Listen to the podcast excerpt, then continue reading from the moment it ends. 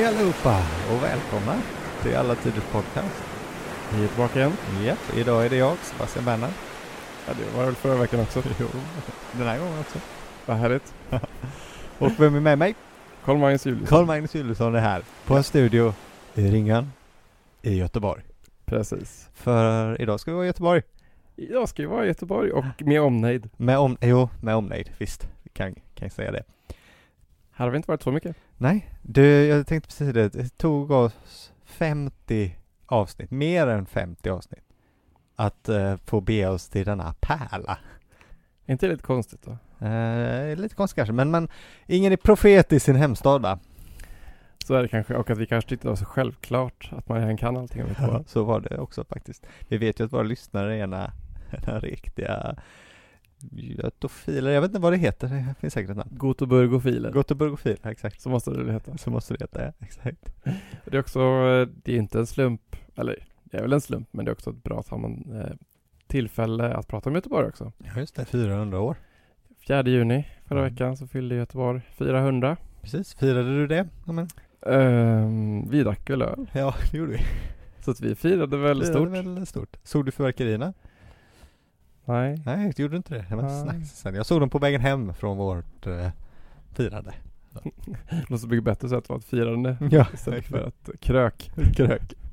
Men det brukar ju vara, firande brukar ju vara just ett krök. Ja, det är sant. I alla fall när jag firar. En definitionsfråga. Jaha, exakt.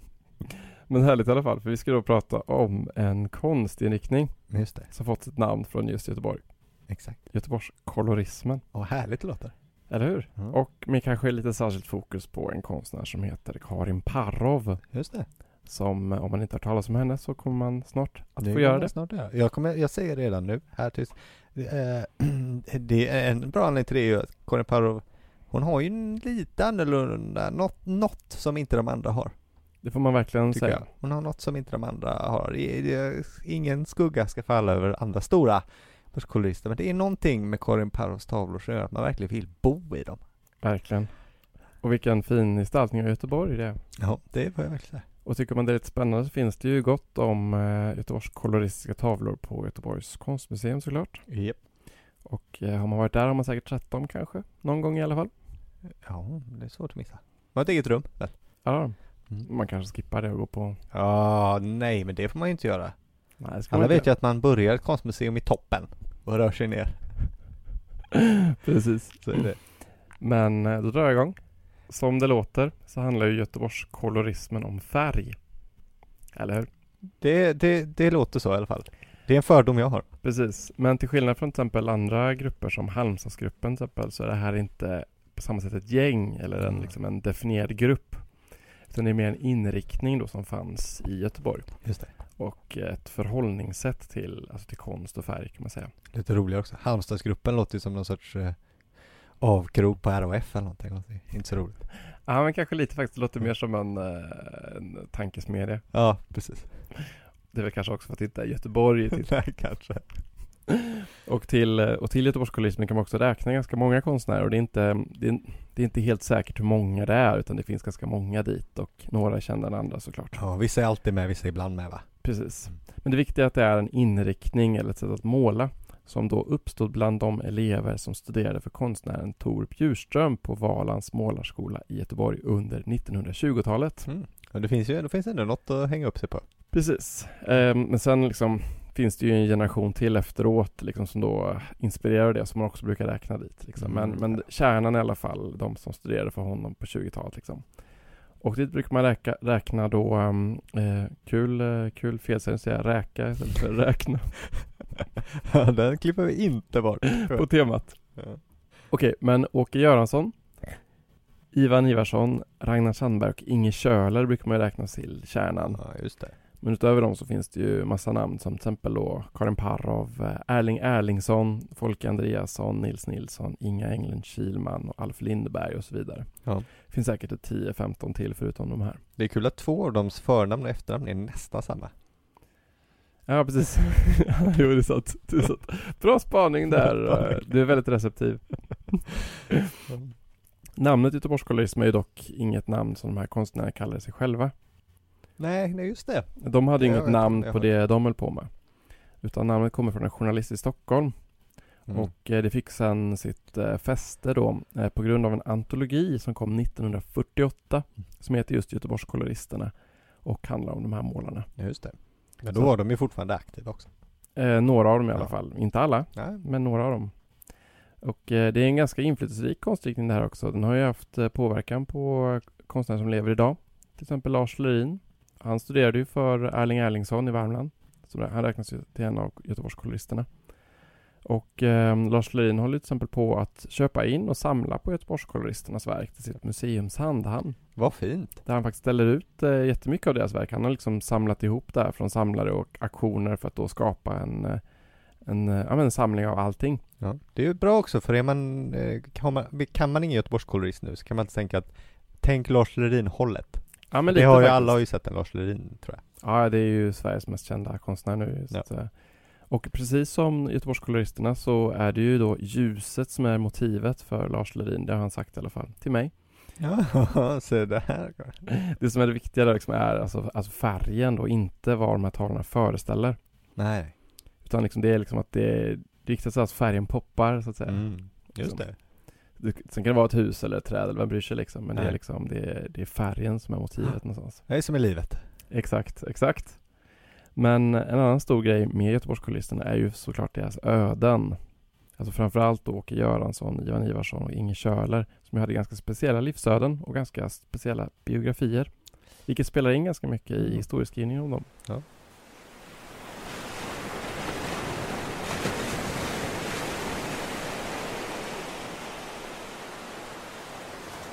Men om vi ska ta det från början. Ja.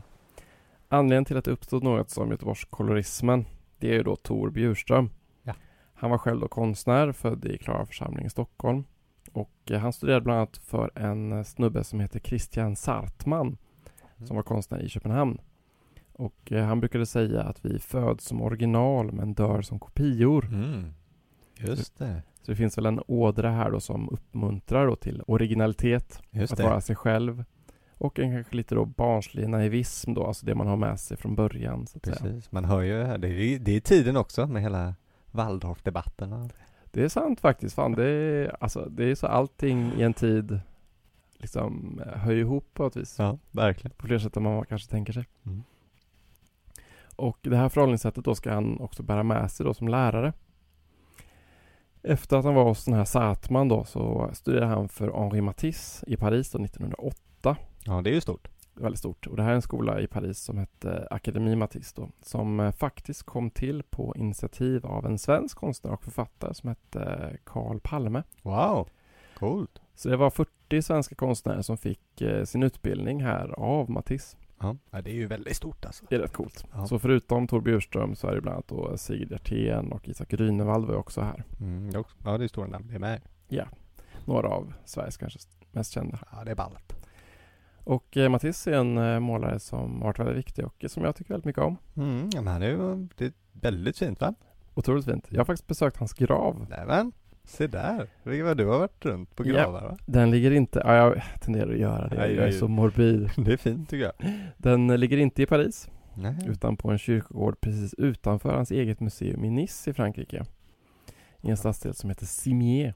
Det låter ju, han känns ju lite prove, provençal skulle man säga. Verkligen alltså, han, eh, han älskade ju Nice och det var där han bodde i ja, många år i sitt liv bodde han där för att han tyckte så mycket om det. Mm. I Cimier finns också resten av en eh, romersk amfiteater. Wow, Det har varit en stor eh, romersk eh, bebyggelse där. coolt. Så det är väldigt häftigt. Mm.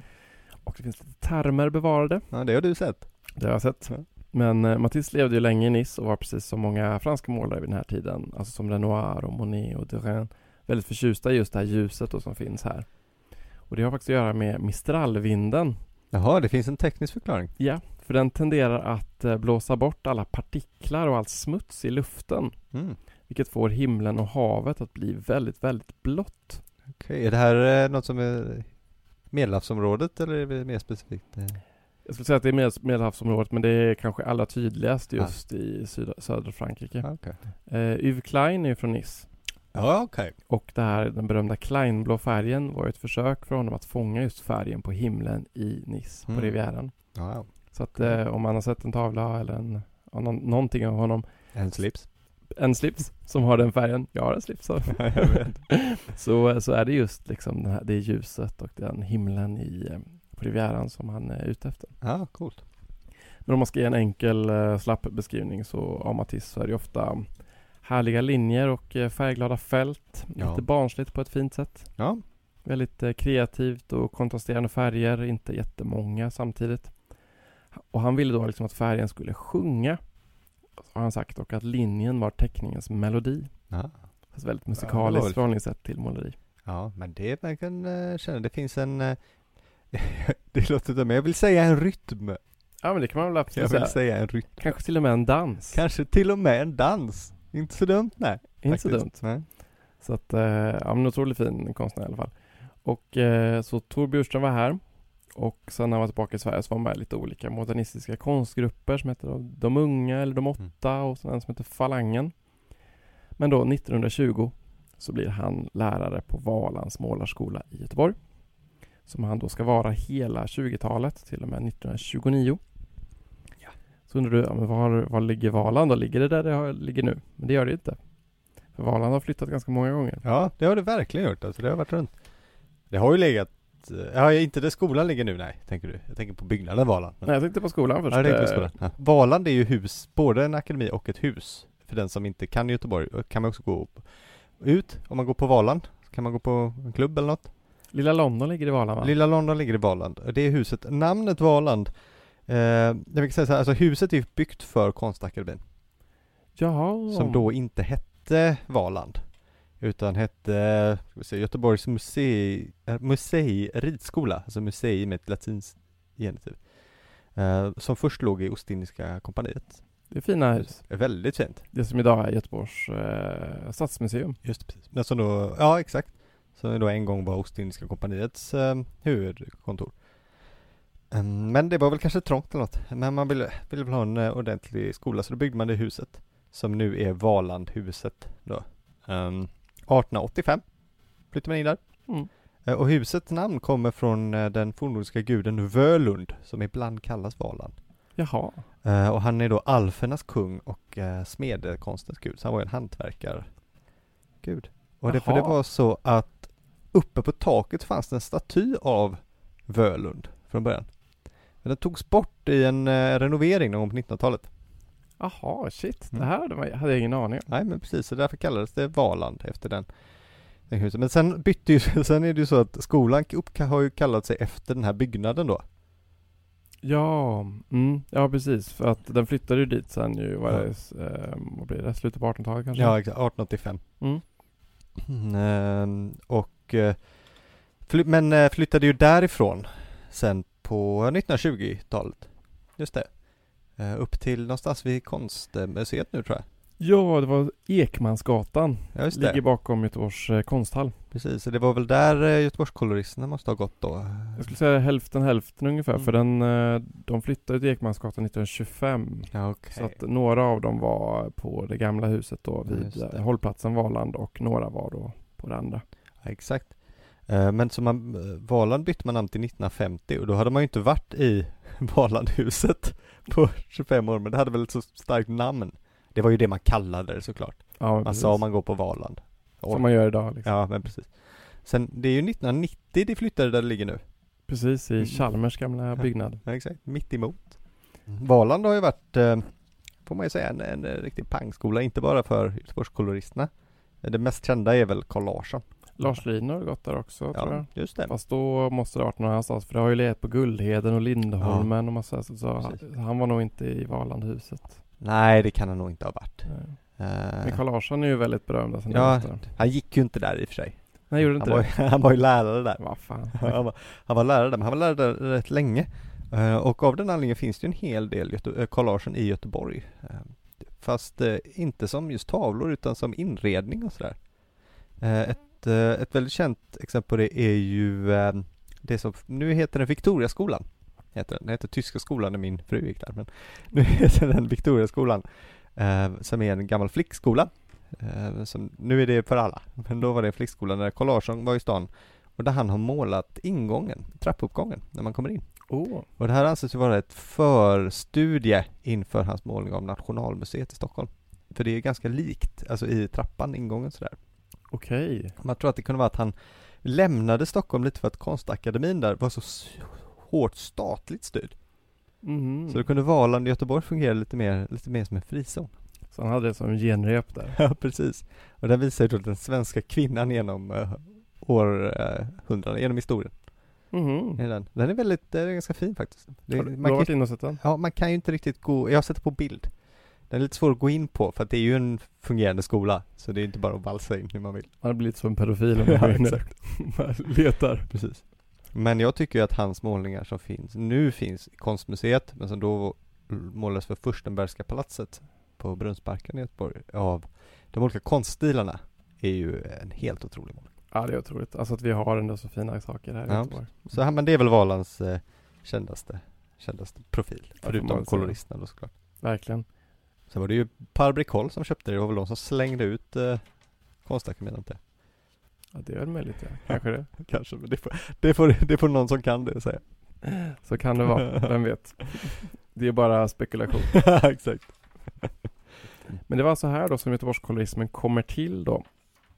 Och ehm, om man ska liksom vara lite, vad är skillnaden då mellan Göteborg och de här konstnärerna som till exempel Grünewald och Hjertén då, som ju drar till Stockholm. Mm.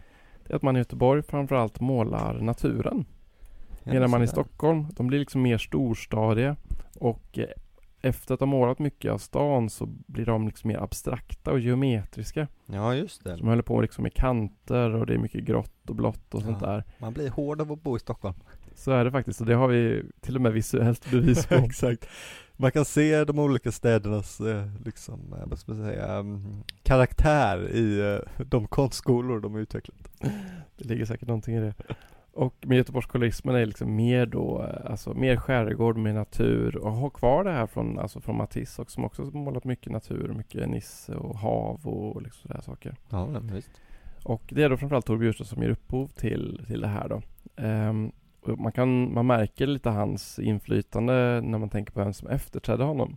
Det var en kille som heter Sigfrid Ullman som var väldigt kritisk till Bjurström och ehm, såg faktiskt till då att ta, ta tillbaka den klassiska undervisningen med anatomistudier och sådana här saker och liksom istället för det här lite mer personliga och fria. Ja, just det. Så att eh, det blev liksom en återgång sen. Och, Han såg eh, väl väldigt sträng också. Ja. Och som konsekvens så känner vi heller inte till så många som har gått under honom. Nej, precis. Bummer. Jag hade, det verkar lite härligare. Under torsdag. Jag tycker också det.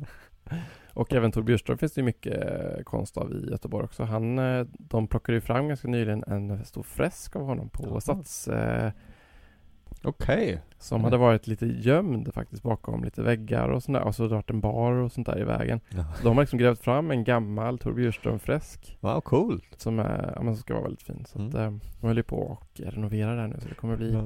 schneidigt snart. Tog de bort baren? Nej, alltså jag vet inte. De, de har säkert gjort någonting. Nej. Men okej då. Eh, de mest berömda av hans elever då, det är då alltså Ragnar Sandberg som började redan 1920 för Mm. Bjurström. Ivan Ivarsson som började 1922. Åke Göransson som började 1924. Och Inge Köhler och Karin Parrov då som började 1926 för Bjurström på Valand. Och eh, de känner ju varandra flera av de här men de går ju inte exakt samtidigt för honom. Nej, just det. Och de har lite olika bakgrunder också. Alltså Göransson föddes i Veddige i Halland det är det. och eh, under ganska enkla förhållanden eh, växte upp i Göteborg. Pappan dog när han var ett redan Oj. och eh, hans mamma jobbade på Almedals fabriker. Han var faktiskt utbildad frisör innan han kom in på Valand och eh, fortsatte att extra knäcka som det. Ja, också konstnärligt. Faktiskt, faktiskt. Mode och stil är också viktigt. Så är det. Eh, Ragnar Sandberg född i Sanne församling, bodde i Ljungskile och i Stenungsund som han är väldigt kopplad till. Ja, just det. Han tänkte faktiskt bli författare först och studerade litteratur och filosofi. Ja, jag hörde det. Alltså, ja, han har ju skrivit de mest galna dagböcker någonsin, om du har sett eh, med dem.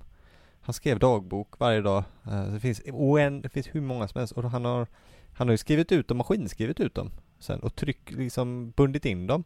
Jaha, Och, och de har även personregister. oj, Det är sjukt har va? du läst dem? Nej, jag har inte läst dem, men jag har sett en grej om dem.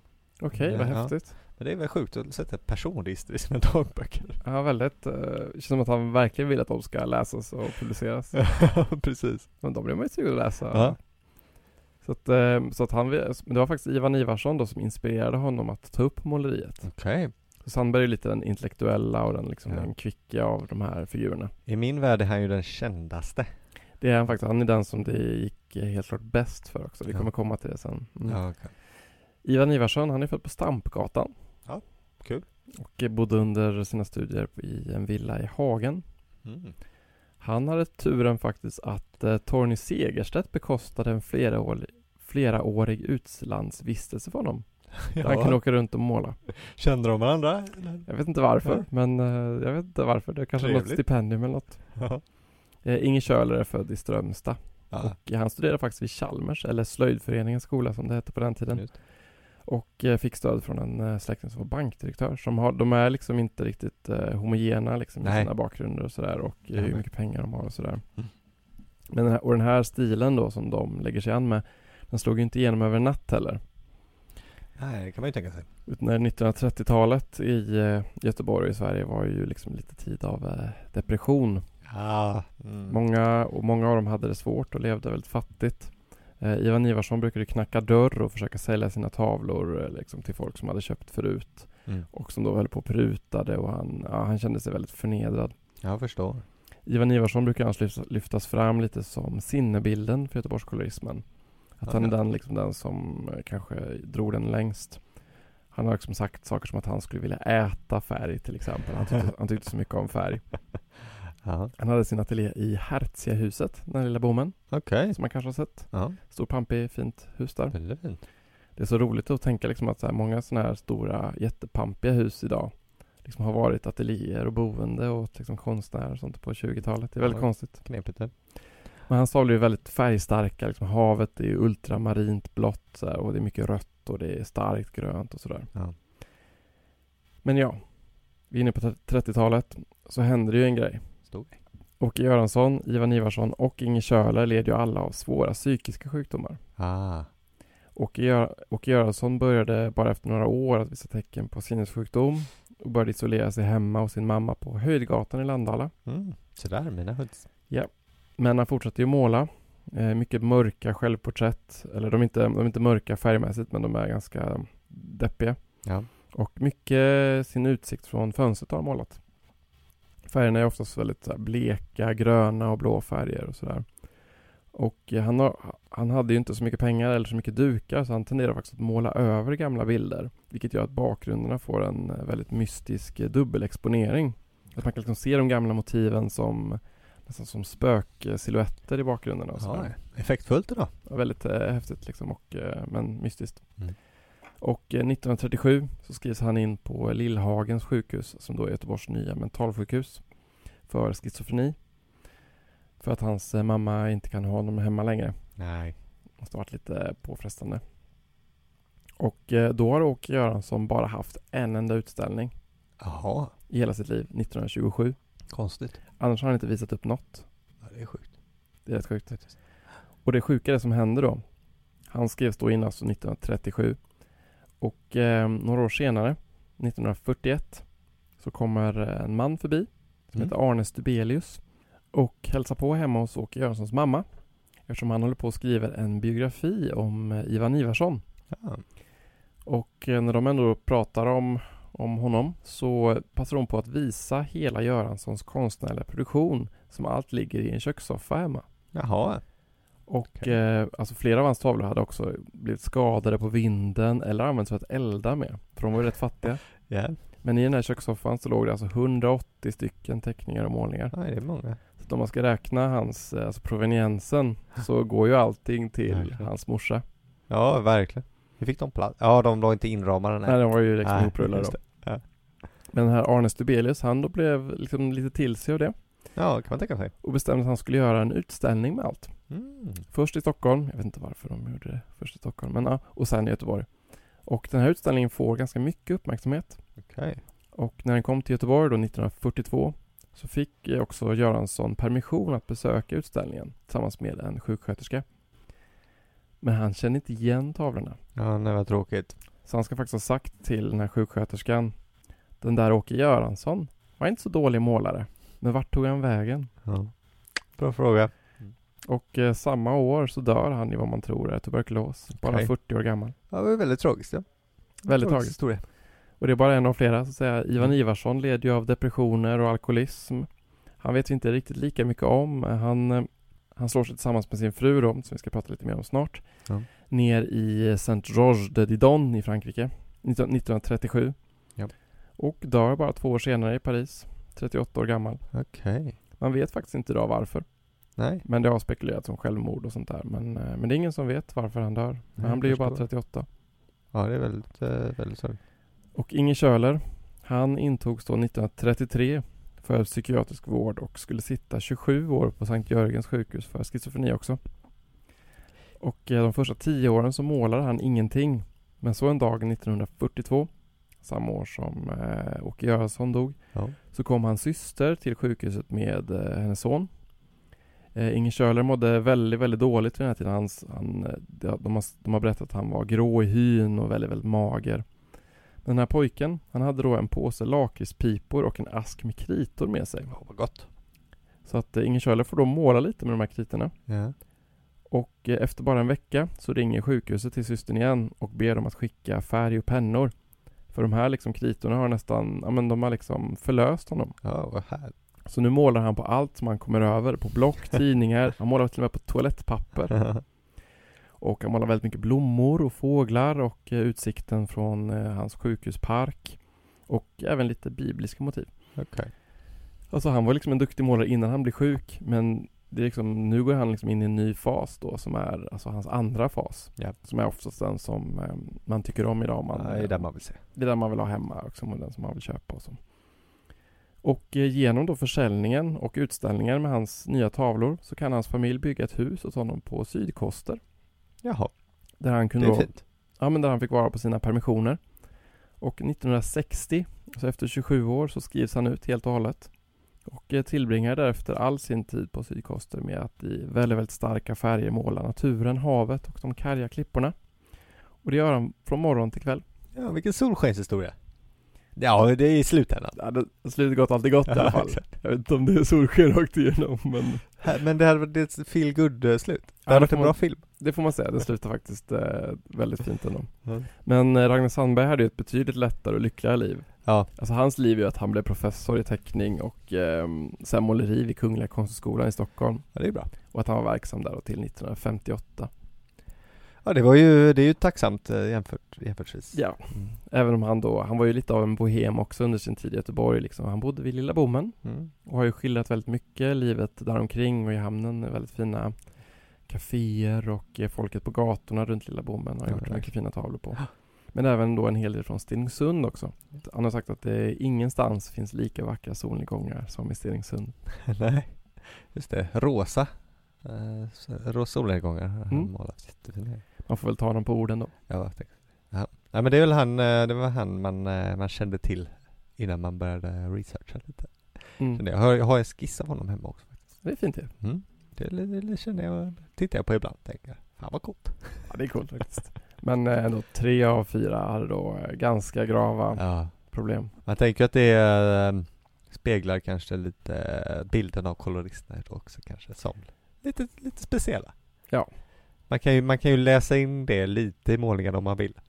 Ja, det är ju det är en svår fråga så att säga om vad som är en vision, som är en konstnärlig vision och vad som är syner och liksom, ja, exakt. och vad ska man säga, en, en ändrad perception och sådär. Liksom. En liten trivia-bit som jag grävde fram eh, innan vi går vidare till vår huvudperson med kanske är ju att Ragnar Sandberg hade ju en bror som hette Maurits Moje Sandberg som spelade i Blåvitt i Jaha, IFK Göteborg. Han var, han var fotbollsspelare, väldigt duktig också, vann en landskamp, spelade, eh, vann eh, SM då och även spelade i landslaget. Och man kan ju, eh, det finns ju även så att Ragnar Sandberg har ju målat en del fotbollsspelare i blåvita tröjor. Jaha. Är det Maurits? Vem vet? Så att man, han fortsätter vara ändå en IFK-supporter även om han flyttar till Stockholm. Man kan ju hoppas. det.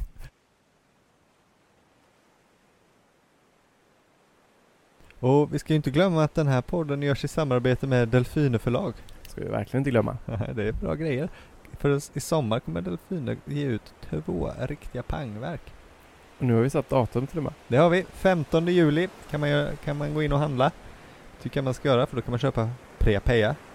En antik diktsamling. Snuskigare än du tror, roligare än du kan föreställa dig. Det är den verkligen. Mm, det är den faktiskt. Och Agricola, en riktig klassiker. En samhällskritisk skildring över Roms eh, kolonikrig när de tar över och breder ut sig. Vilket Tastus inte är helt förtjust i säga. Nej, kan man säga. Bra. Väldigt bra summerat. Surfa in på delfiner.se och kolla in uh, allt sånt fint som finns, i, finns där. Ja, bra fotbollsnamn, Moje. Ja. ja, faktiskt. Mm. Det låter som en fotbollsspelare. Det gör det. Det gör det absolut. Ja, men nu har vi ju gått igenom de fyra mest berömda då. Men eh, som vi sa innan så ska man ju inte glömma bort Karin Parov. Nej.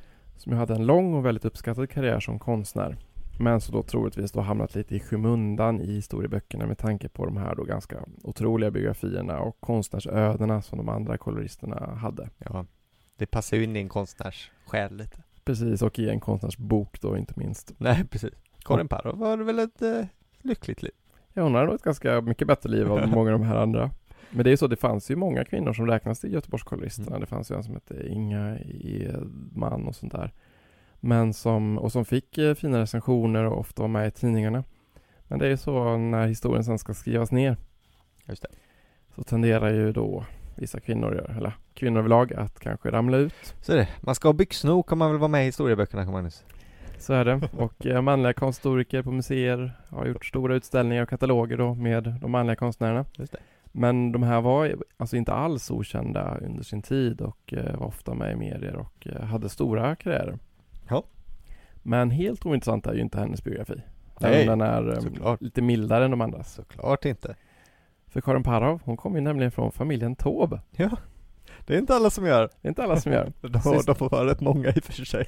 De hade ju många barn, 13 barn. 13 barn hade, det är väl jättemycket. Hade tåbarna, ja det är många. Man tänker lite på den där sketchen i uh, The meaning of life, uh, irländska katoliker. 13 barn. Verkligen. Det är inga preventivmedel där Nej. inte.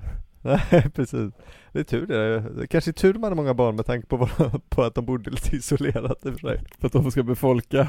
Ja men jag tänker tråkig uppväxt att vara ensam barn ute på en ö. Ja det är sant, det är sant. Ja. Så hon var alltså syster till Evert Taube. Ja. Och eh, jag nämnde inte det innan, men hennes syster Märta Taube var också konstnär och skulptör och var faktiskt den som var gift med Ivan Ivarsson. Just det. Som vi pratade om innan, som dog i Paris. Och eh, de gifte sig mot föräldrarnas vilja. Fick också en son som heter Per. Men um, det finns många brev där hon skriver hem då till sina gallerister och ber om pengar för att de har det så knapert. Mm. Ja.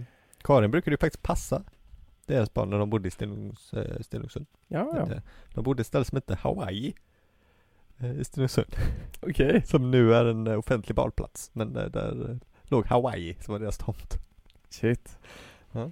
Det är häftigt tycker jag med alla sådana här platser också. Vi har ju Tåbhuset i Majorna. Ja, väldigt fint. Det är ju hennes eh, föräldrar bodde när de flyttade från, eh, från Vinge. Ja, de ägde väl det sen eh, länge tror jag. Eh, det skulle ju rivas men Evert tror jag det var som Gjorde en kampanj. ja, precis. Som man är bra på. Riv inte mitt barndomshem. Ja. ja men där har man ju gått förbi några gånger. Ja, ja, verkligen. Det, det ser ju jättemysigt ut. Och Kustens hus och allting som ligger där nere. Det är helt, det är en viscentral där. Finns så mycket historia i Göteborg. Ja, det gör det. Granne är den också. Den är grann, den är grann. Precis. Ja. Men kändes det ju att de bodde på Vinga utöver då huset, huset i stan, om man säger så. Precis. Såklart. Är Vinga den allra bortersta ön eller? Ja, det måste det väl vara. Engelska flottan har sko- siktats vid Vinga. Precis, Exakt. det måste ja. det ändå vara längst bort. Ja, men det är det nog faktiskt. Det är nog längst bort. Eh, jag kan inte komma på något annat i alla fall. Ja, men det känns så.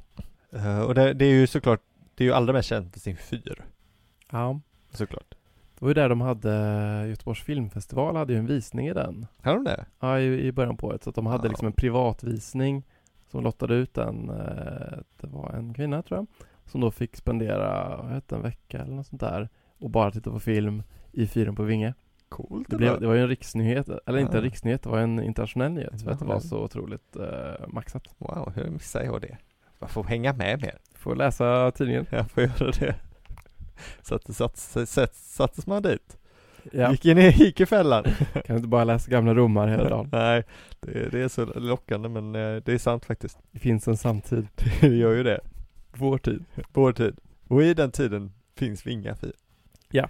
Det måste, det, det är väl den kändaste fyren. Jag kan en annan fyr och det är Paternoster. Den ligger längre norrut. Långe Jan, Långe Erik, Okej. som finns på Öland. Ja. Två, två ganska berömda fyrar också. Alltså jag tänkte precis säga, det finns säkert fyrar på östkusten också. Ingen vet. Och Långe Jan har du hört talas om. Nej, aldrig. Långe Jan.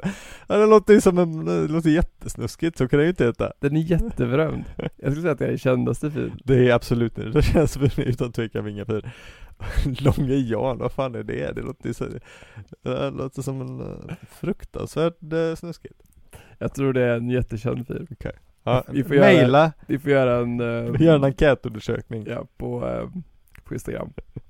Är Långe Jan en fyr eller Sems namn för något onämnbart? Det får stå för dig. Eh, men uh, lite trivia om Vinga va? Ja, det här har varit aktivitet länge. Så kan man tänka mig att det har bara varit en holme i i havet, men det är inte sant. Eh, och det är ju så att både Sverige och Danmark har ju uh, under århundraden velat lägga beslag på den här, eller mer eller mindre hävdat att de redan har lagt beslag på Vinga, för det har varit lite otydligt vem det tillhört. Jaha. Inget man kommit överens om. Eh, redan 1496 var det här något som man bråkade om. Och då fann man, så man fann det nödvändigt att i Sävedalen, så alltså då som var svenskt territorium, utfärda ett dombrev som menade att Vinga sedan länge varit svenskt.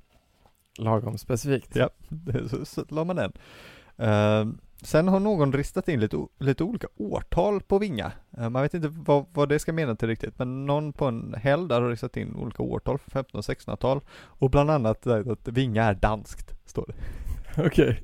Bara det. Okej. Eh, Men 606, Det känns det- som att det var en dansk som skrev det. det, jag, jag tror det. Står det på svenska eller på danska? Det står nog på, det ska stå med H. Jag tror att skillnaden mellan svenska och danska också var sådär stark på Ah, okej. sent 1500-tal, men det, vinga med H i alla fall. Eh, Men eh, 606, då, det är då det händer grejer va? Då satte man nämligen upp en båk på Vinga. Vet du vad en båk är? Svar nej. Nej, det var inte heller något jag var high, så high på. Det är den här som är bredvid fyren, som är ett sånt trätorn, som en pyramid. Okej. Eh, Så om någon har sett en bild på Vinga fyr eller en avbild eller någonting så kan man se, eller andra fyrer eller kustnästen, så är det som en fyrkantig träpyramid. Ofta är målad i en stark färg. Okej. Det är en båk. Okej. Så det är någon sorts förstadium till fyr, kan man säga. Om, eh, Ja, okej, så det, det var liksom en föregångare till den stora fyren? precis, den går ju att se va, Mm. eh, på avstånd. Um, uh, fyrer har ju funnits så länge, men det var väl jobbigt att ha en fyr där. Men, Fyren i Alexandria? ja, precis. Ett tag då. Ja, det var ju ett tag sedan. Men 1606 sa, Karl XI, sätt upp en båk så båtarna vet var de ska åka någonstans. För det, och, det alltså, och sen 1646 har, har det funnits en stuga där ute så att någon kunde bo, då, då bodde båkvaktaren Torkel Smed där. Eh, Så, att har, så länge har det ändå bott människor ute på Vingefyr för att ta hand om att eh, Men bara i en enda stuga. bara i en enda stuga. Man tyckte att den som ska ha det här jobbet, den måste bo helt själv med sin familj. Det får inte vara någon granne, det får inte bo någon mer. Utan bara en person och hans familj. Men så stort är det ju inte heller. Ja, men det känns väldigt taskigt Nej, att vara isolerad är, också. ja, lite. Men det är ju ett, eh, ett vad ska man säga, jobbspecifikt boende. Jo, jo. Vad ska men- du annars göra? Fiskare kan ju bo där kanske. Men... Ja, det kan väl bo någon, ja men en fiskare eller någon som jobbar med media på distans. Exakt. Bra. Sociala medieredaktör kan väl bo där istället för att bo i, på Kanarieöarna. Ja, det kan man tycka faktiskt. Det kan man tycka. Jag vet inte bo, om det bor det någon på Vinga nu? Jag är inte med. Nej, ingen aning faktiskt. Eh, Men den första fyren byggdes 1841. Då by- byggde man ordentlig fyr, för det är- åker ju jävla mycket båtar där förbi. Eh, Men den nuvarande fyr, fyren är från 1890. Samma år som Evert Taube föddes. Aha. Så det är väl så att de är jämngamla. Fyren och Evert. Det är väl en eh, rolig eh, slump. Det är rätt häftigt. Man borde åka ut dit och titta. Man kan Ja. väl åka båt dit? Ja, det kan man. det vore coolt. 12 mars eh, 1890 föddes ju Evert. Karin föddes den fjor- 4 mars 1900. Så de var ju båda fiskar. Också Ja, en ja, ja. rolig, rolig slump. Jag tycker det är passande. Ja, det var absolut passande. Klart de ska vara fiskar. Ja. Och vi får se om vi klipper bort det, men i min familj så har vi en spökhistoria som går i arv om Vinga. Okej. Och den är, jag har inte hört den på länge, så jag tror att den går ungefär så här. Året var 1613. Året varierade inte riktigt. Okej, det, är olika varje gång. Och det var en kulen och blåsig natt när ett ensamt fartyg närmade sig Vinga. Och förgäves kämpade de emot vågorna, men hela skeppet gick under med man och allt. Mm. Jag drar en kort version här, vi hoppas i slutet. Eh, varje molnlös men månklar natt så reser sig gastarna va, från havet och vandrar upp och dansar kring fyren. Och det är en sann historia. Alltså. Japp, det har jag, jag kan släktingar vittna om. Jaha, Mm. så den här, går, den här har gått i arv i Den familjen här Berhard. går i arv från 1632. 1632. När någon i familjen Berhard klädde ut sig till spöke på Vinga fyr. Exakt. Ja, det händer lite mer däremellan, men det är det som den går ut på i alla fall. Så åk ut där på en, som sagt, en moln, eh, l, molnklar men månfylld natt. Så ska du se. Får vi se till att göra. Mm. Men i övrigt eh, så finns det ju inget på Vinga, förutom en fyr. Nej. Mm. Men eh, kul, tur som sagt att de var många då, för de verkar ju ha varit stimulerade i alla fall. Ja, ja, verkligen. Alltså bara minst två konstnärer och och så Evert Taube då såklart. Ja, nej men precis. Ja men som du sa, Karin Parr föddes alltså 1900 och eh, hennes pappa var ju fyrmästare, Mm. Carl Gunnar det. och hans fru eh, Julia Sofia. Eh, och eh, hon gick då som vi sa innan på Valand för Torbjörn Bjurström 1926 till 1929. Sen gick hon på något som heter Académie de la Grande Chaumière som ligger i Paris då, där hon gick 1929. Fin. Väldigt fin eh, skola tror jag säkert. Ja. Det är många som har gått där i den här tiden verkar det som. Bror Hjort, läste jag. Ja, ja, Gick ja. där. Han är ju kul. Han är ju jätte, en fin, Ja. konstnär också. Kul att Bror tycker jag också. Så att, tycker också att det är jättefint namn. Helt klart fint. Ja. Och eh, när hon var där så träffade hon då en herre som heter Torsten Parrov Mm. som var sjökapten precis som eh, pappan Carl Gunnar Ja, du ser. innan han blev fyrmästare då på Vinga fyr. Låter som en eh, redig karl. Ja men det låter som faktiskt. Jag tror också han var det. Och eh, till skillnad från alla de här psykiskt sjuka bohemerna så var Karin Parrov faktiskt ganska ordentlig av sig. Hon tog ju till och med en sekreterarexamen Ja, så att hon skulle kunna Jo. ha ett jobb och försörja sig och sådär. det är sånt gillar. Sånt gillar eh, säkert också eh, släkt och vänner. Ja, men det är också väldigt typiskt att de här kvinnorna är väldigt så beskedliga och killarna är fyllebusar med psykiska sjukdomar. Ja, det är sant. Det är en evig historia. Men eh, sen hade ju då, hon då den fördelen att när hon gifte sig så fick hon en viss ekonomisk trygghet då. Ja.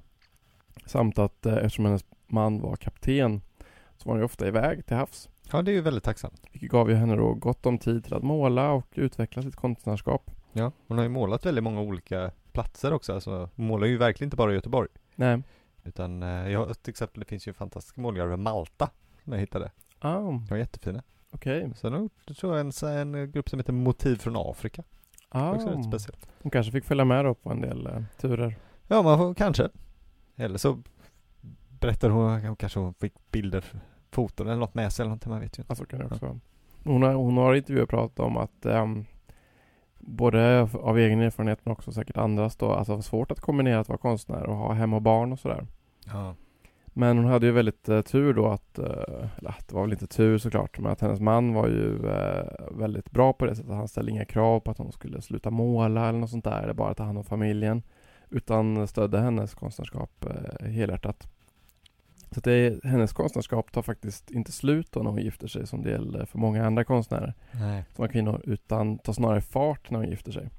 Ja, det är ju coolt faktiskt. Ja, och eh, hon var ju väldigt omskriven. Hon hade många konstutställningar i Sverige och i de nordiska länderna. Ända fram tills hon dog faktiskt 1984. Mm. Och hon fick Göteborgs stads eh, honnörsstipendium. Ja. Men eh, ja, sen fanns det såklart flera meningar då att vissa recensenter brukar dock eh, skilja ut henne för att hon var kvinna såklart och tyckte att hon osjälvständigt skulle följa på Ivan Ivarsson Jaha, så där. som ju var gift med hennes syster då, Ja. Märta. Men eh, de hade ju båda haft samma lärare, Tor Bjurström och befunnit sig i samma konstnärliga miljöer. Ja. Så Nej. det är inte bara de som påminner om varandra. Nej, det är de verkligen inte. Nej, de pa- påverk, påminner ju heller inte särskilt om varandra. Nej, faktiskt inte. Och andra recensenter lyfter ju snarare upp henne som den faktiskt främsta och mest begåvade i sin generation. Ja, Så att eh, mest väldigt härliga och lite naivistiska sprudlande talare liksom. Så att eh, det fanns lite du- dubbla meningar men det, det finns inget så att hon skulle vara sämre än de andra utan det är ju mer att hon kanske inte då ja, haft den biografin att hon har liksom plockats upp i de här konstnärsböckerna då på samma sätt nej. tyvärr. Ja, det är lite tråkigt eh, faktiskt. Eh, ja, jag håller med, alltså de har ju en eh, de är alla, alla Göteborgskulister har ju en, eh, säga, naj, lite naivistisk dragning och lite, ja men barnslig kanske man, kan säga, det är väl en del, men jag tycker ändå hennes har en tydlig, det, det är tydligare motiv, det är tydligare bilder, man kan liksom se var de är någonstans på ett sätt som jag tycker att, och så ser det så jävla mysigt ut. Ja, det ser väldigt mysigt ut. Hon har lite, det känns också lite mer, um, lite mer balanserade färger. Liksom. Alltså, Ivan Ivarsson kan ju är väldigt starkt rött och det är väldigt starkt blått och Ja. väldigt starkt grönt. Liksom. Att hon är lite mer sådär dynamisk kanske i, i färgerna. Så. Ja, precis. Det finns en fantastisk bild på två fiskare som heter som en linfiskar. Mm. Fantastisk bild. Mm. Otroligt fina. Så Mm. att, eh, och eh, det har varit ganska mycket utställningar med henne faktiskt de senaste åren. Hon har ju fått lite av ett uppsving får man väl säga de senaste kanske 5-10 åren. På då eh, Bohusläns museum och i Stenungsund. Ja, Klart. där finns väl en stor samling. Verkligen. Hon finns ju på Göteborgs konstmuseum också. Med sina verk så att säga. Ja. Varför bor de alla i Stenungsund? Det är jävla knepigt va? Ja, det var väl för att det var så fina solnedgångar där. Ja, det var väl det. Hon bodde också där ett tag. På Stenungsön. Ah, eh, under kriget. okej. Kanske man inte ville vara i stan. Men Nej, kanske man inte ville. mycket på gång. Samtidigt är ju havet är mycket båtar och sånt där. Krigsbåtar. Ja, i och för sig. I och för sig. Det kanske var därför. Spekulera fritt. Men ja, Stenungsund kanske är liksom, kanske är Göteborgs uh, Niss. Så Ja, kanske. Det, Jag har aldrig, jag har aldrig stannat i Stenungsund. ja, nej, Nej. inte jag heller. Jag vill inte göra någon Stenungsundbo eh, upprörd men det känns mer som en genomfartsväg på väg mot norra, längre, längre norrut skärgården. men det är inte, är inte det så här kustparadis? Jo, det är det väl, men man tänker kanske mer på Smögen, Ja, Strömstad, Grebbestad, nej, det är sant kanske. Kungshamn, på Mm. Vasstrand, Hamburgsund. Det finns många, det finns Men många Stenungsund känns lite mer kulturellt. Liksom. Ja, Eftersom det har så mycket konsttraditioner Mm. uh, traditioner, att Just många har det. målat Stenungsund. ja, det är bara det är jag och böset som åker förbi. Men jag ska råda bot på det i sommar. Mm, åka till Stenungsund. Mm. Gå på museet. Ja. Jag har inte varit med heller, så det blir...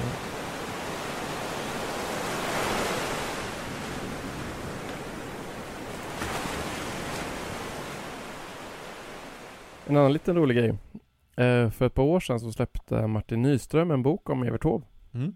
Och ehm, i den skriver ju han bland annat om hur då Evert Taube alltså skapade förbindelser mellan platser då. Alltså att han såg Provence och Medelhavet i västkustens eh, klippor och skär och eh, i Bohuslands kust så kunde han se Rivieran och sånt där. Liksom att Mm. han ehm, han, han liksom blandade samman de här platserna i huvudet och liksom skapade liksom drömmar om, om Medelhavet i, på, liksom, på västkusten och tvärtom. Ja.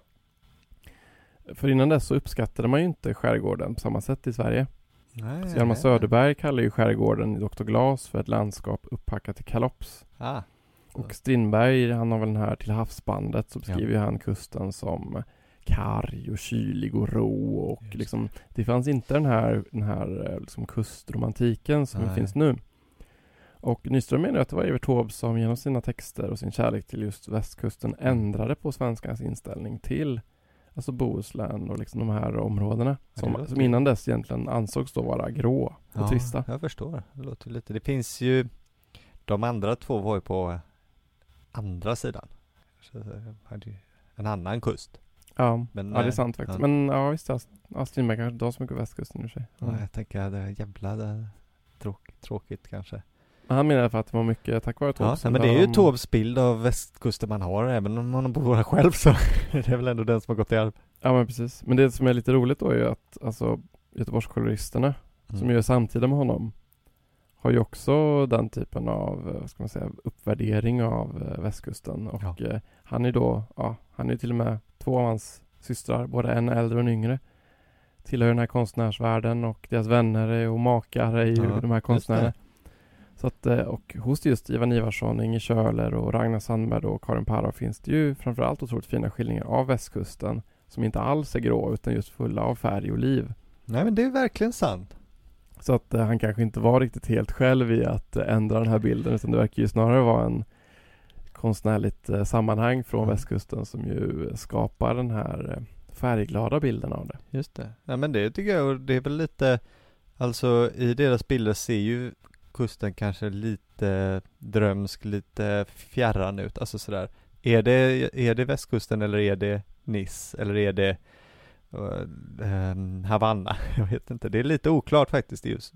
Men det är ju faktiskt det. Alltså det, tavlorna k- kan ju komma från vilket av de här ställena som helst. Man, kanske också får lite vibe av um, typ Paul Gauguins eh, men verkligen. Tahiti-bilder. Verkligen faktiskt. Vissa, ja, det, vissa finns ju vatten, par målar folk som bär vatten och sådär. Ser lite ut så.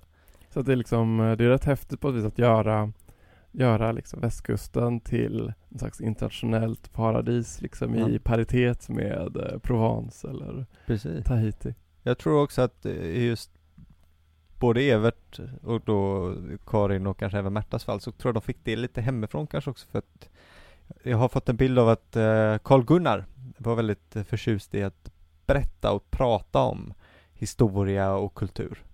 Eh, framförallt då liksom den klassiska kulturen kanske, så att den kom hemifrån. Evert berättar ju lite om det i sina böcker. Jag har en bok som heter Strövtåg i, Ra- Strövtåg i Ranrike Mm. till exempel. Där det verk, verkar som att pappan liksom lär ut och, och förhör i alla fall Evert, men man fattar de andra också på historia och kultur och sådär. Låter ju underbart. Ja, så de kan, de kan ju redan i barndomen där ute på Vinga ha blandat ihop de här landskapen liksom, Och i drömt sin om, fantasi.